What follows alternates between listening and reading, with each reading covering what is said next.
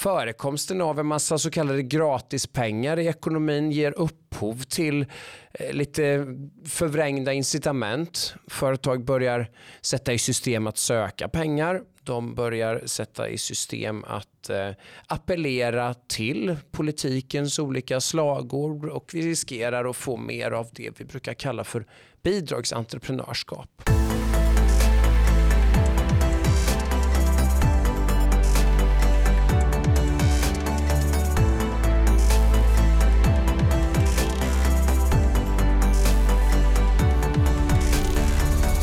Christian Sandström är biträdande professor med inriktning på utveckling kring teknikskiften, digitalisering och politisk förändring. Och han är verksam vid Ratio och Handelshögskolan i Jönköping. Eh, tillsammans med Jan Jörnmark har han skrivit rapporten Den industripolitiska återvändsgränden, en historia om det statliga riskkapitalet. Och nu är han aktuell med uppföljaren, Den industripolitiska återvändsgränden 2.0, ett växande svart hål. Varmt välkommen tillbaka till Skattebetalarnas podcast, uppskattat. Tack så mycket Christian, kul att vara här. Väldigt trevligt att ha dig här. Eh, nu kanske, eh, och skam till dem som inte har läst de här rapporterna, Eh, men, eh, och det är kanske många som inte heller är bekanta med problematiken, så vi kan väl börja i att förklara. Eh, vad handlar den här rapporten om? Den handlar om de olika stöd till näringslivet som delas ut av många olika myndigheter på många olika ställen i statsbudgeten och vilka effekter de här stöden får på företagen och på ekonomin. Mm. Okej, okay, och hur ser det ut idag? Hur ser de här stöden ut? Va, vart går de till? Ja, de går till många olika grejer. Eh, industristöd förr i tiden, det fick ju en väldigt otrevlig eh, bismak runt varvskrisen, stålkrisen, stålverk 80 i Luleå och så vidare. Det, det märktes att det var kapitalförstöring, det var konstgjord andning och det där ska vi inte hålla på med. Det blev någonstans lärdomen en bit in på 80-talet i alla fall. Eh, det vi har haft sedan dess och egentligen rapporten här den börjar med en liten introduktion med Snow Roller, alltså Sällskapsresan-filmen när de ska ner till Alperna. Och, och för våra unga lyssnare, det är en film med, av och med Lasse Åberg. Just det, just det. kan vara bra för ynglingarna som inte är 80-talister eller 70-talister för den delen.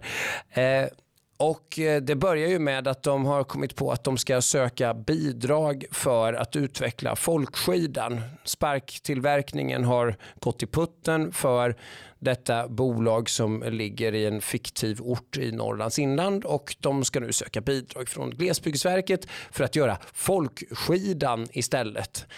Och eh, Den här lilla sekvensen i den här filmen från mitten av 80-talet den visar någonstans på hur bidragsentreprenörskapet kunde gestalta sig i Norrlands inland på, på den tiden. Och eh, Sen dess har vi ju egentligen bara fått mer av den här varan. Och eh, Det är numera stöd som syftar till olika eh, ja, önskvärda saker. Eh, innovation, företagstillväxt, mer entreprenörskap, grön omställning, eh, bättre matchning på arbetsmarknaden. Och, eh, så att det har fått en mycket mer positiv klang över det hela. Då. Ett moderniserat språkbruk helt enkelt. Ja, det, det, när man börjar titta närmare så får vi nog kalla det för det. Mm. Men är inte det här åtråvärda saker? Är det inte vettigt att staten lägger pengar på sånt här? Alltså innovationer och teknikutveckling och sånt där. Behövs inte det?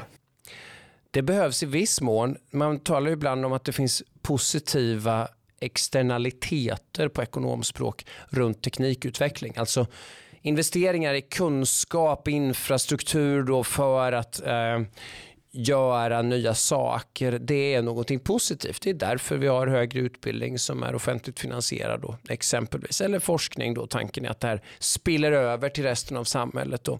Så att visst finns det en sådan logik och man kan ibland tala om att det finns marknadsmisslyckanden på kapitalmarknaden. Eh, men riktigt så enkelt är det ju inte som att därmed kan vi sätta igång och ha en massa stöd och så kommer det att leda till tillväxt på olika vis. För någonstans så behöver vi ställa det här emot eventuella utmaningar kopplade till allokeringen av dessa medel. Eh, det är också så att de här pengarna har alltid en alternativ användning någon annanstans som skulle kunna vara bättre. Eh, det är också så att eh, förekomsten av en massa så kallade gratispengar i ekonomin ger upphov till eh, lite förvrängda incitament. Företag börjar sätta i system att söka pengar de börjar sätta i system att eh, appellera till politikens olika slagord och vi riskerar att få mer av det vi brukar kalla för bidragsentreprenörskap. Mm. Och vad är risken med det här då? Ja, riskerna med det här det är ju att företag slutar göra det de borde göra. Eh, det vill säga försöka tillfredsställa olika behov på så en istället, marknad. Ja, precis. Och de, marknaden består då inte av människor som är beredda att investera i de här företagen eller köpa deras produkter, utan man, marknaden blir istället den pengapåse politikerna håller ja. upp och så börjar man tillfredsställa dem istället för investerare och kunder. Ja, det, det låter ju inte så bra. Eh, eh men du säger ju då att det här inte bara har, eh, liksom är dåligt utan till och med kan ha negativ effekt för företagen. Hur kan det vara dåligt för företag att få, och marknaden att, att det tillförs mer pengar? Ja, de börjar ägna sig åt fel saker. Om du tillhandahåller tillräckligt mycket pengar som då är gratis men de är på olika vis är de öronmärkta för olika lovvärda ändamål då börjar man ägna sig åt de här sakerna utan att egentligen ifrågasätta det. Fel företag ägnar sig åt fel saker och eh, när vi har tittat närmre då på exempelvis etanolbubblan och biogasbubblorna som vi har sett blåsas upp i, i Sverige de senaste åren. Då är det ganska tydligt att möjligheten att få bidrag ifrån EU, Energimyndigheten, Vinnova, Naturvårdsverket och flera andra sådana här finansiärer. Det gör ju att eh, de här ofta kommunala bolagen de blir immuna mot risker.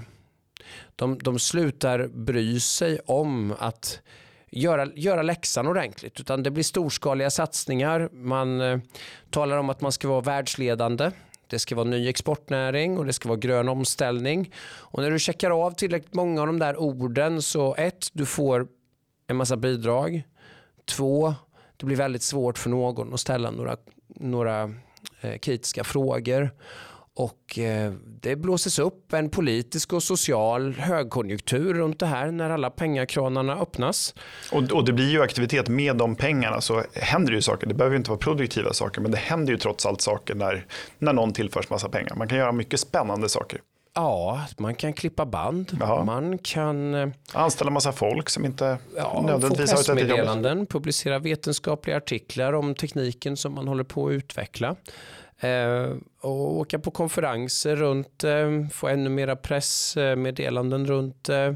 Och sen är det är väl så också att om man väl har fått pengar en gång så, så finns det en, en vilja att kasta bra pengar efter de dåliga. Så även om man inte har levt upp till, till vad man hade hoppats så finns det skäl för den som från början har stoppat in pengar, det vill säga det offentliga, att stoppa in mer pengar för att verkligen det här ska lyckas. Ja, inte minst med tanke på att det offentliga sitter ju ofta med en budget som man behöver göra av med varje år. Så att det blir ju någon typ av symbios så småningom när de här myndigheterna har, de har ju ett behov av att hitta trovärdiga intressenter som de kan dela ut pengarna till. Som de har fått i uppdrag från politikerna att dela ut. Så att de, de sköter ju egentligen Och det är ett mått på framgång att man kan dela ut de pengar man har fått också. Ja. Inte, inte att de nödvändigtvis gör nytta utan att man kan dela ut Visst. dem. Eh, men vad ska politikerna göra istället då? Ska man bara lämna det här området helt i fred eller ska, vad ska man göra istället? Ja, vad ska man göra istället? Eh, man får sluta göra det som gör skada till att börja med. Sen har ju sådana saker som optionsbeskattning eh, egentligen varit ganska viktiga aspekter av entreprenörskapet och ägandet. Eh, det kanske är så att vi behöver en, ett visst mått av teknikutveckling som eh, vi ökar utbudet av teknik, teknikutveckling i ekonomin eh, med hjälp av det offentliga. Men det kanske inte ska göras i form av Eh, stöd och det kanske inte ska göras i form av riktade stöd. Och, och, Det är nog där det blir särskilt problematiskt. Utan det kanske är bättre att göra avdrag. det kanske är bättre att ha FoU-avdrag för små medelstora företag. Det har ju inte minst Roger Svensson och, och även du tittat på det här. Alltså att man istället får dra av just de investeringar man gör då i, i forskning och utveckling. Och sen att, att staten istället upprätthåller då ett, ett eh, liksom level playing field så att alla har samma möjligheter på mm. marknaden. Eh, vilket ju inte är mm. Och är, är det så att man börjar tillåta den här sortens avdrag så kommer ju det sannolikt leda till en del eh, Eh, opportunistiska beteenden från företag också. Man börjar kalla saker för utveckling som kanske inte självklart var utveckling. Det finns alltid ett tolkningsutrymme där.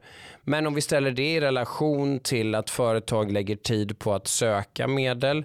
Andra lägger tid på att söka medel och får inte medel. Eh, de lägger tid på att administrera, rapportera, redovisa, appellera till politiker eh, och ett eh, det eventuellt också kan vara liksom öronmärkt för fel teknologier så känns det alla gånger som att det är bättre med avdrag än bidrag. Du riskerar dina egna pengar och inte skattebetalarnas. Mm. Eh, 2020, vill säga för två och ett halvt år sedan ungefär, då presenterade vi den här eh, den industripolitiska återvändsgränden där du och Jan Jörnmark hade gjort ett, en försiktig eh, uppskattning av hur mycket pengar det handlar om. Och då var det 40 miljarder som gick till företagsstöd trots att forskningen visar att det här inte har några effekter varken på omsättning, vinst eller antal anställda.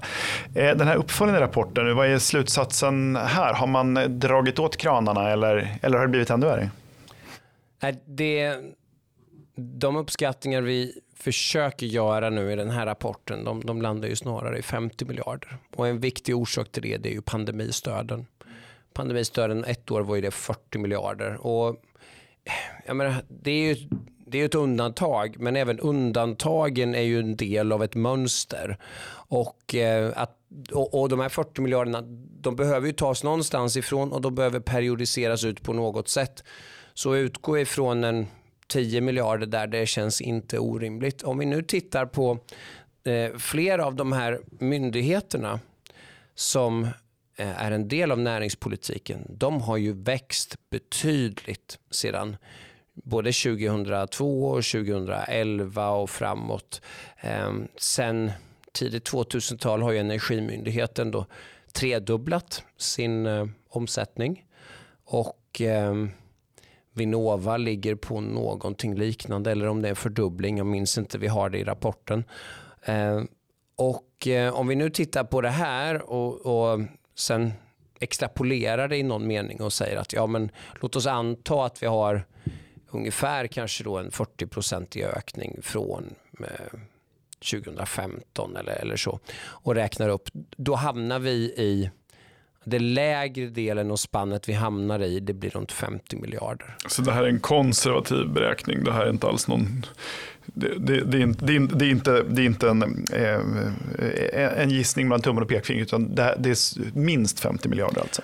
Ja, och en viktig del i varför det är minst också, det är att många av de här pengarna hamnar i kommuner, regioner, landsting som i sin tur i kommunala bolag lägger pengar för att motfinansiera de här olika satsningarna. Så att när, när ett biogassatsning får eh, 200 miljoner ifrån Energimyndigheten då ska vi nog utgå ifrån att de lägger åtminstone 100 eller 200 miljoner av sina egna pengar. Och sen är det 500 miljoner ifrån EU i fallet Gobigas och så vidare. Så att, men, men, alla de där siffrorna på kommunal nivå i de kommunala bolagen, det där är ett jättejobb att ta reda på. Men, men allt det här innebär att om du adderar upp så kommer du rimligen en god bit över de här 50 miljarderna.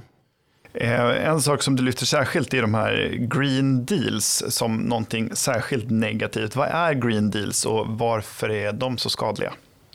Ja, det här är någonting som vi eh, hört om mycket mer på senare tid och green deals är Ja, vad är det egentligen? En del av det är konventionell miljöpolitik av det gamla snittet, det vill säga lagstiftning, skatter, förbud på kemikalier, på farliga substanser och så.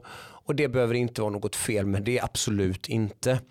Eh, det som är nytt det är konvergensen mellan industripolitik och miljöpolitik. Det är inte längre att det offentliga enbart ska sätta upp spelregler, eh, införa förbud, skatter, utan man ska även stimulera till stor omställning, eh, stora språng eh, vad gäller ny teknik.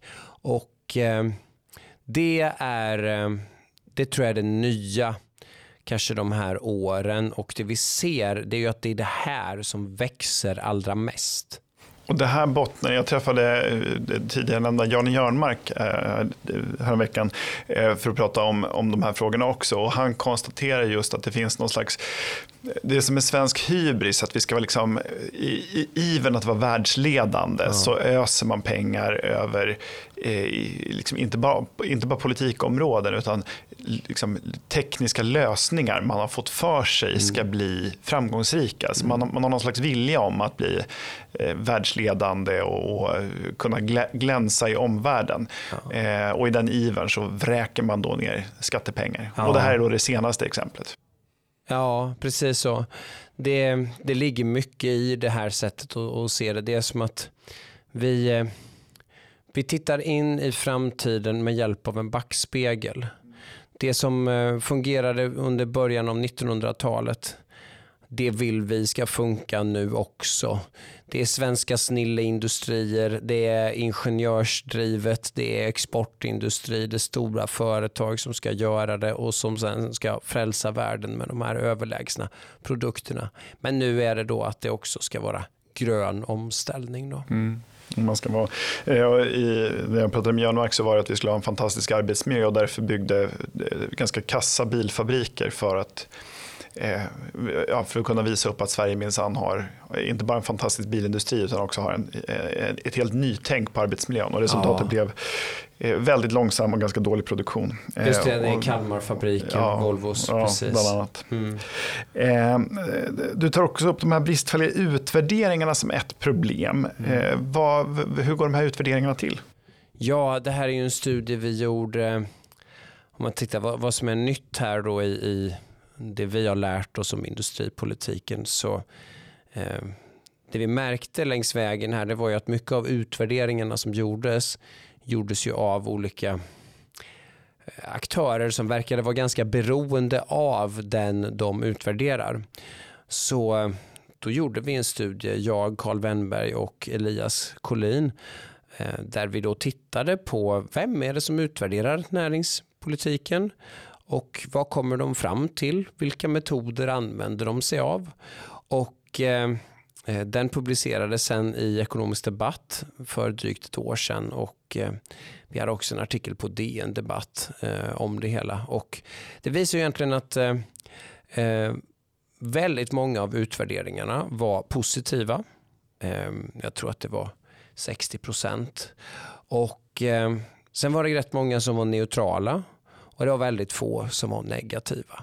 Och när vi sen då började titta på vem det är som gör de här utvärderingarna, då såg vi ju att eh, de utvärderingar som var gjorda av konsultföretag, de var egentligen enbart positiva eller neutrala. De självutvärderingar som gjordes, alltså när myndigheten själv utvärderade sig själv var det precis samma sak.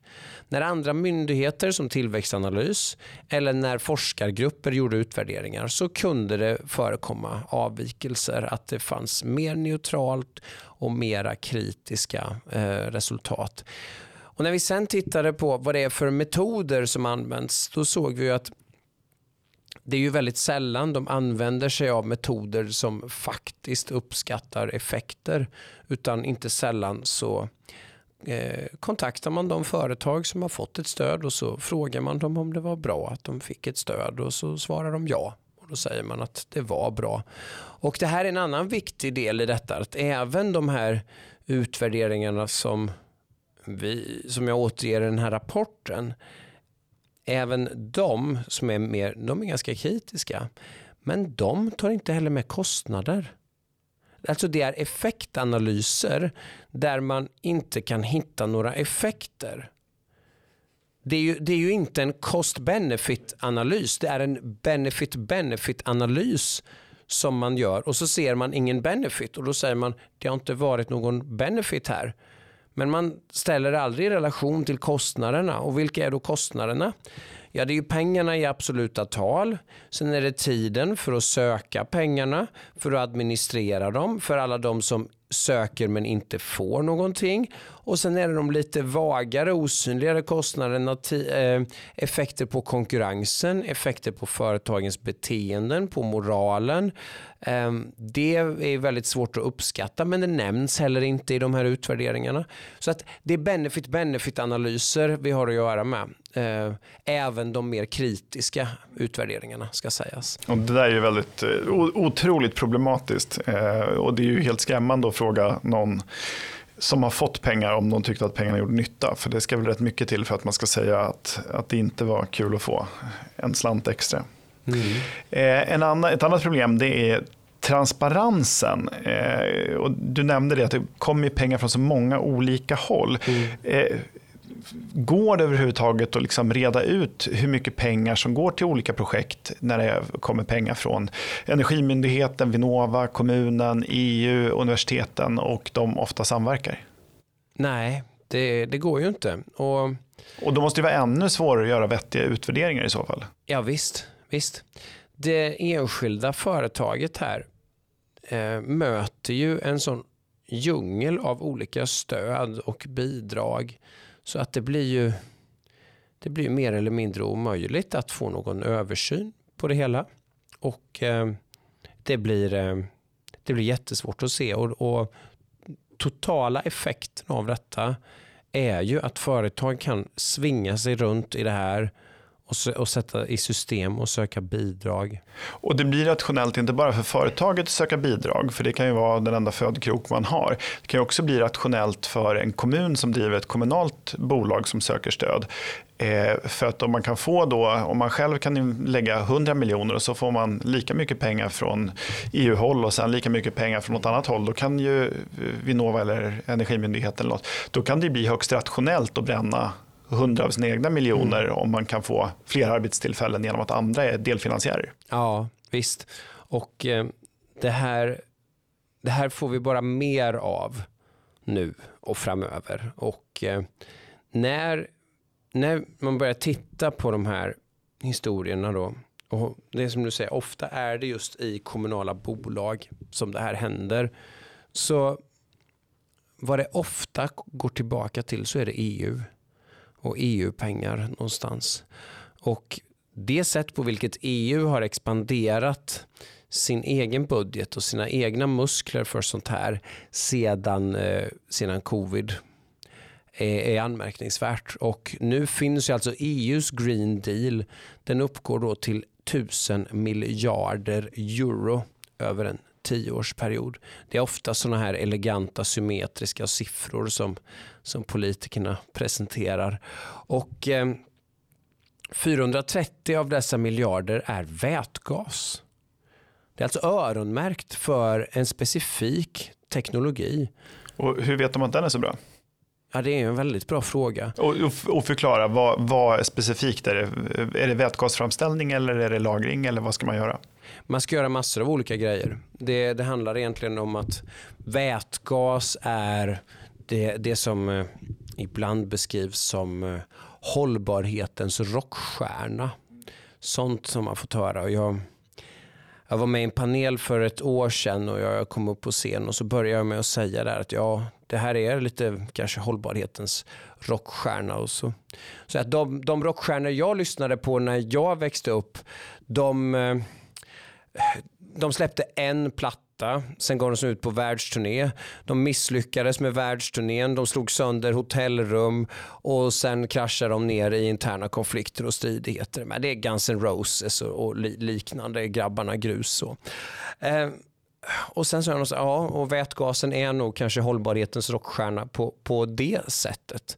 En teknik som ingen aktör verkar ha lagt särskilt mycket på historiskt i, i någon bransch på att försöka utveckla. Det har gjorts lite försök. Eh, vätgas är den minsta, en av de absolut minsta då molekylerna i hela universum. Vilket innebär att den är jättesvår att lagra. Eh, den är väldigt, väldigt reaktiv. Och eh, att hantera vätgas är föremål för enorma överföringsförluster när du ska liksom skifta mellan vätgas. Det, det, tank, tanken är väl att man ska använda energi när man har den för att framställa vätgas. Ja. Det vill säga, och sen så när man då använder vätgasen så eldar man den. Och det fantastiska är att biprodukten är väl då vatten. Alltså när man eldar vätgas är biprodukten vatten och det är ju toppen. Men på vägen är den ju högst explosiv och vid varje sån här transformation, alltså från el till vätgas, från vätgas till värme till el, så förlorar man också oerhörda mängder energi. Ja, visst. Och när du då går fram och tillbaka ett par gånger så här, då, då är ju plötsligt, plötsligt är det inte mer än 20% kvar, 20-30 och då Ja, då vill man vara snäll kan man kalla det för att ja, det är överföringsförluster man kan också välja att kalla det för att vi eldar för kråkorna. Det var vad vi sa när jag växte upp. Mm. Eh, men man då vet att forskningen säger att det här inte funkar, det är inte bara ineffektivt utan det kan också ha starka negativa effekter eh, och eh, utvärderingen går inte att räkna, liksom räkna med och sen är beloppen enorma. Varför fortsätter det här år efter år? Bra fråga. Vi har varit inne på en del av svaret och det är utvärderingarna. Eh, utvärderingar som eh, är positiva i så hög utsträckning. Det är klart att det bidrar till att det här fortsätter. Eh, lite av nyfikenhet så tittade jag och en annan forskare på hur de här utvärderingarna används. Så vi gick igenom då tio år tillbaka i tiden tre myndigheter, Tillväxtverket, Energimyndigheten och Vinnova. Och så gick vi igenom alla gånger som de refererar till utvärderingar i sina årsredovisningar. Och så ser vi lite vad, vad skriver de där. Och så kodade vi upp det då och eh, 80% av gångerna var det positivt med massor av superlativ. Eh, 15% av gångerna var det väl lite sådär neutralt. Och sen var det väl 5% av gångerna som det var någonting som var lite mer kritiskt. Så eh, en annan grej här som jag tror är viktig är att man behöver förstå myndigheter som en intressegrupp som går till politiker och eh, de, de vill ha mer medel till sin verksamhet. Jag tror alla organisationer vill det. Jag tror att det ligger i sakens natur att man, man anser att det jag gör på morgonen, men jag tycker forskning är viktigt och forskning runt det jag håller på med tycker jag är viktigt och jag skulle vilja ha mer medel till det. Jag skulle inte säga nej till det. Myndigheter fungerar enligt samma logik. Och det är inte något diaboliskt utstuderat över det, utan de tror på det, det de gör. Det är en naturlig drivkraft. Ja, ja. Det, är, det är lättare att gå upp på morgonen om man tror på det man gör. Liksom. Det, det gör de flesta. Så en, en följd av det, det är ju att de går till politiker och försöker att och tillskansa sig mer medel. Politikerna i sin tur eh, ha, hanterar other people's money och de kan framstå som handlingskraftiga. Om du eh, sitter i riksdagen för eh, Uppsala och så frågar någon dig eh, på universitetet på en föreläsning. Vad, vad gör du för universitetet då? Om du är riksdagsledamot.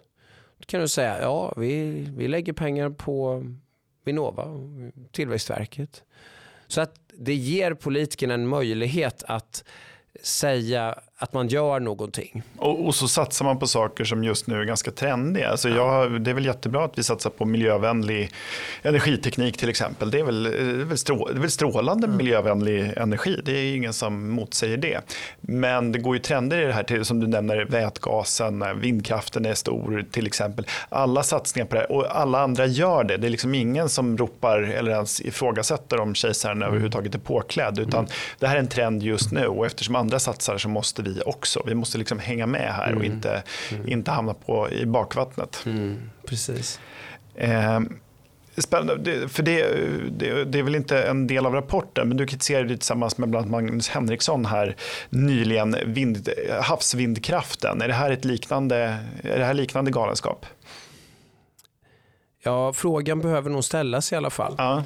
Eh, om vi om vi tittar på den här havsbaserade vindkraften så vi kan ju börja med att Eh, vi, vi håller nu på och ser vad, vad är det som finns i denna EUs Green Deal egentligen. Då? Det är 430 miljarder, det är ju, det är ju vätgas. Då. Eh, en annan grej som är väldigt tydlig, som, man, som det läggs mycket pengar på, det är det som heter offshore wind, havsbaserad vindkraft. Och, eh, så att det, för det har ju låtit som en trollerilösning i den politiska debatten. Att det där smäller vi upp snabbt och det kommer ge massor av energi typ ja. hela tiden.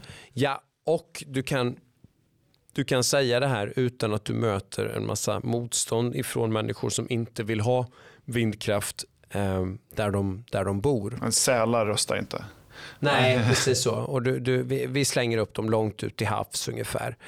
Eh, så att det låter ju bra det, det finns några problem med detta. Eh, vindkraften har ju hittills inte fått bära de kostnaderna som den är knuten till. Eh, varken då kablaget eller att de här intermittenta energislagen då, vind, sol, de eh, Intermittent, de, de, de, de ger inte energi löpande utan nej, då och då. Utan mm. de ger energi när vädret tillåter ja. om man säger så.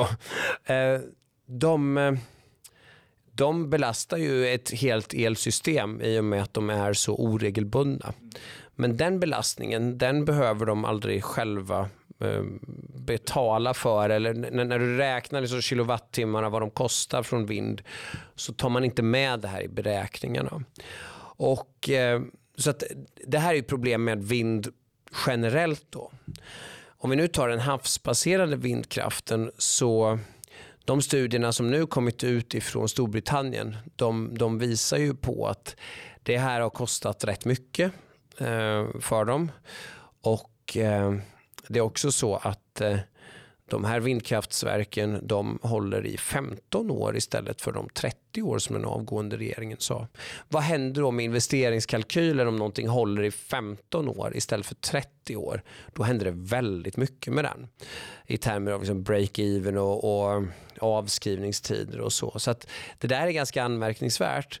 Eh, det underliggande dilemmat med det havsbaserade här det, det är ju att om teknik generellt finns det en idé om att det är två saker som driver ner kostnaderna. Det ena är stordrift, att du bygger fler eller större anläggningar. Och det andra är inlärningseffekter runt tekniken. Då. Att man blir bättre på det man lär sig. Mm.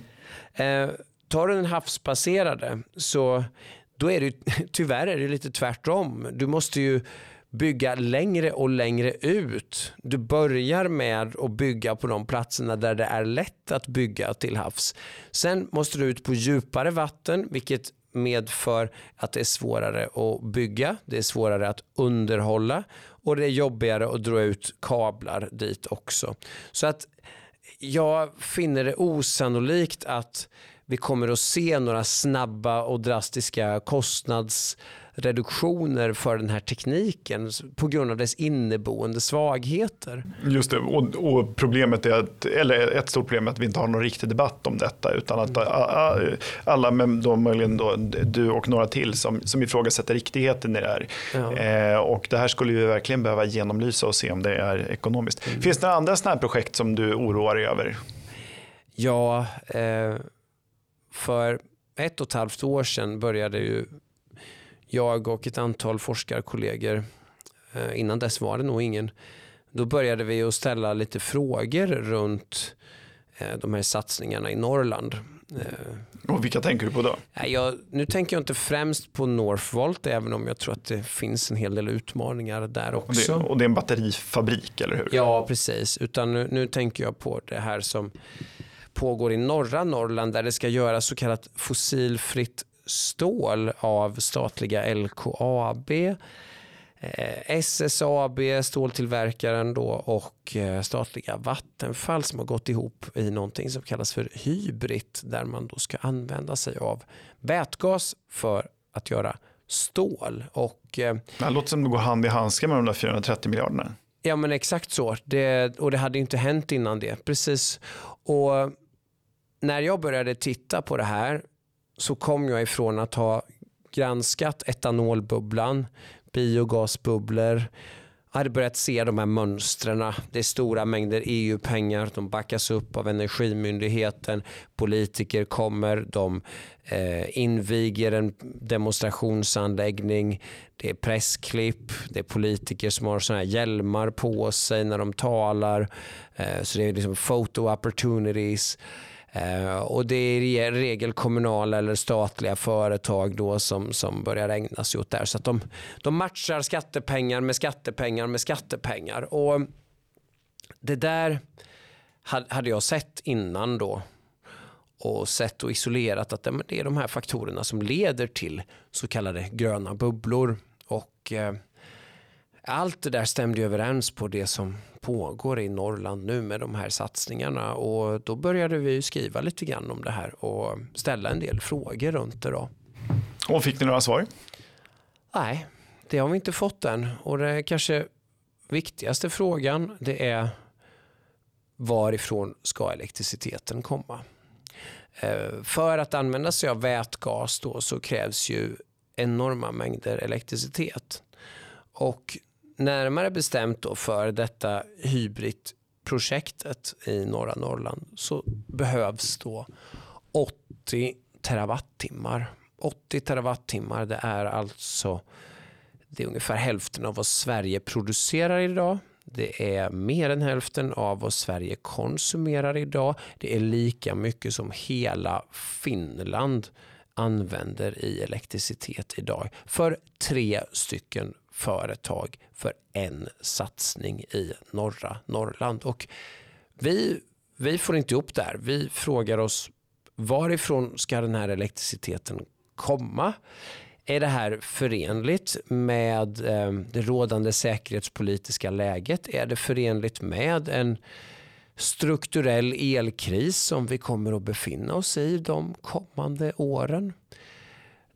Ja, vi har inte fått några svar på de frågorna. Intressant. Eh, vi får se om det blir en, eh, ett nytt stålverk 80 eller om det här blir en, en fantastisk succé. Men du, du har en, en gissning klar i alla fall. Ja, historien talar nog sitt, sitt språk här. Ja. Eh, intressant. Eh, och eh, din nya rapport, eh, den eh, industripolitiska återvändsgränden 2.0, ett växande svart hål, den finns på Skattebetalarnas hemsida. De artiklar som du har skrivit själv och tillsammans med andra går lätt att googla upp, eh, för de är skrivna i stora svenska tidningar bland annat. Eh, och så nämnde du också Ekonomisk debatt, där du har skrivit också. Rekommenderas varmt att, du, att man läser det. Eh, stort tack för att du kom hit Christian, väldigt roligt att ha dig här och väldigt roligt att du har skrivit den här rapporten för oss. Tack så mycket, roligt att vara här. Jättekul, tack. tack. Uppskattat det är en podcast från Skattebetalarnas förening. Vi arbetar för låga och rättvisa skatter, rättssäkerhet för skattskyldiga och minskat slöseri med skattepengar. Vi bildar opinion och folkbildar i skattefrågan och vi lever som vi lär och tar bara emot frivilliga bidrag. Uppskattar du podden och vill medverka till att Sverige blir ett land med minskat slöseri, rimligare skatter, då stödjer du oss enklast genom att bli medlem. Läs mer och bli medlem på www.skattebetalarna.se bli medlem. Tipsa också gärna andra om uppskattat, betygsätt oss gärna och högt i din poddlyssningstjänst och så hörs vi nästa vecka. Tills dess, ha det så bra.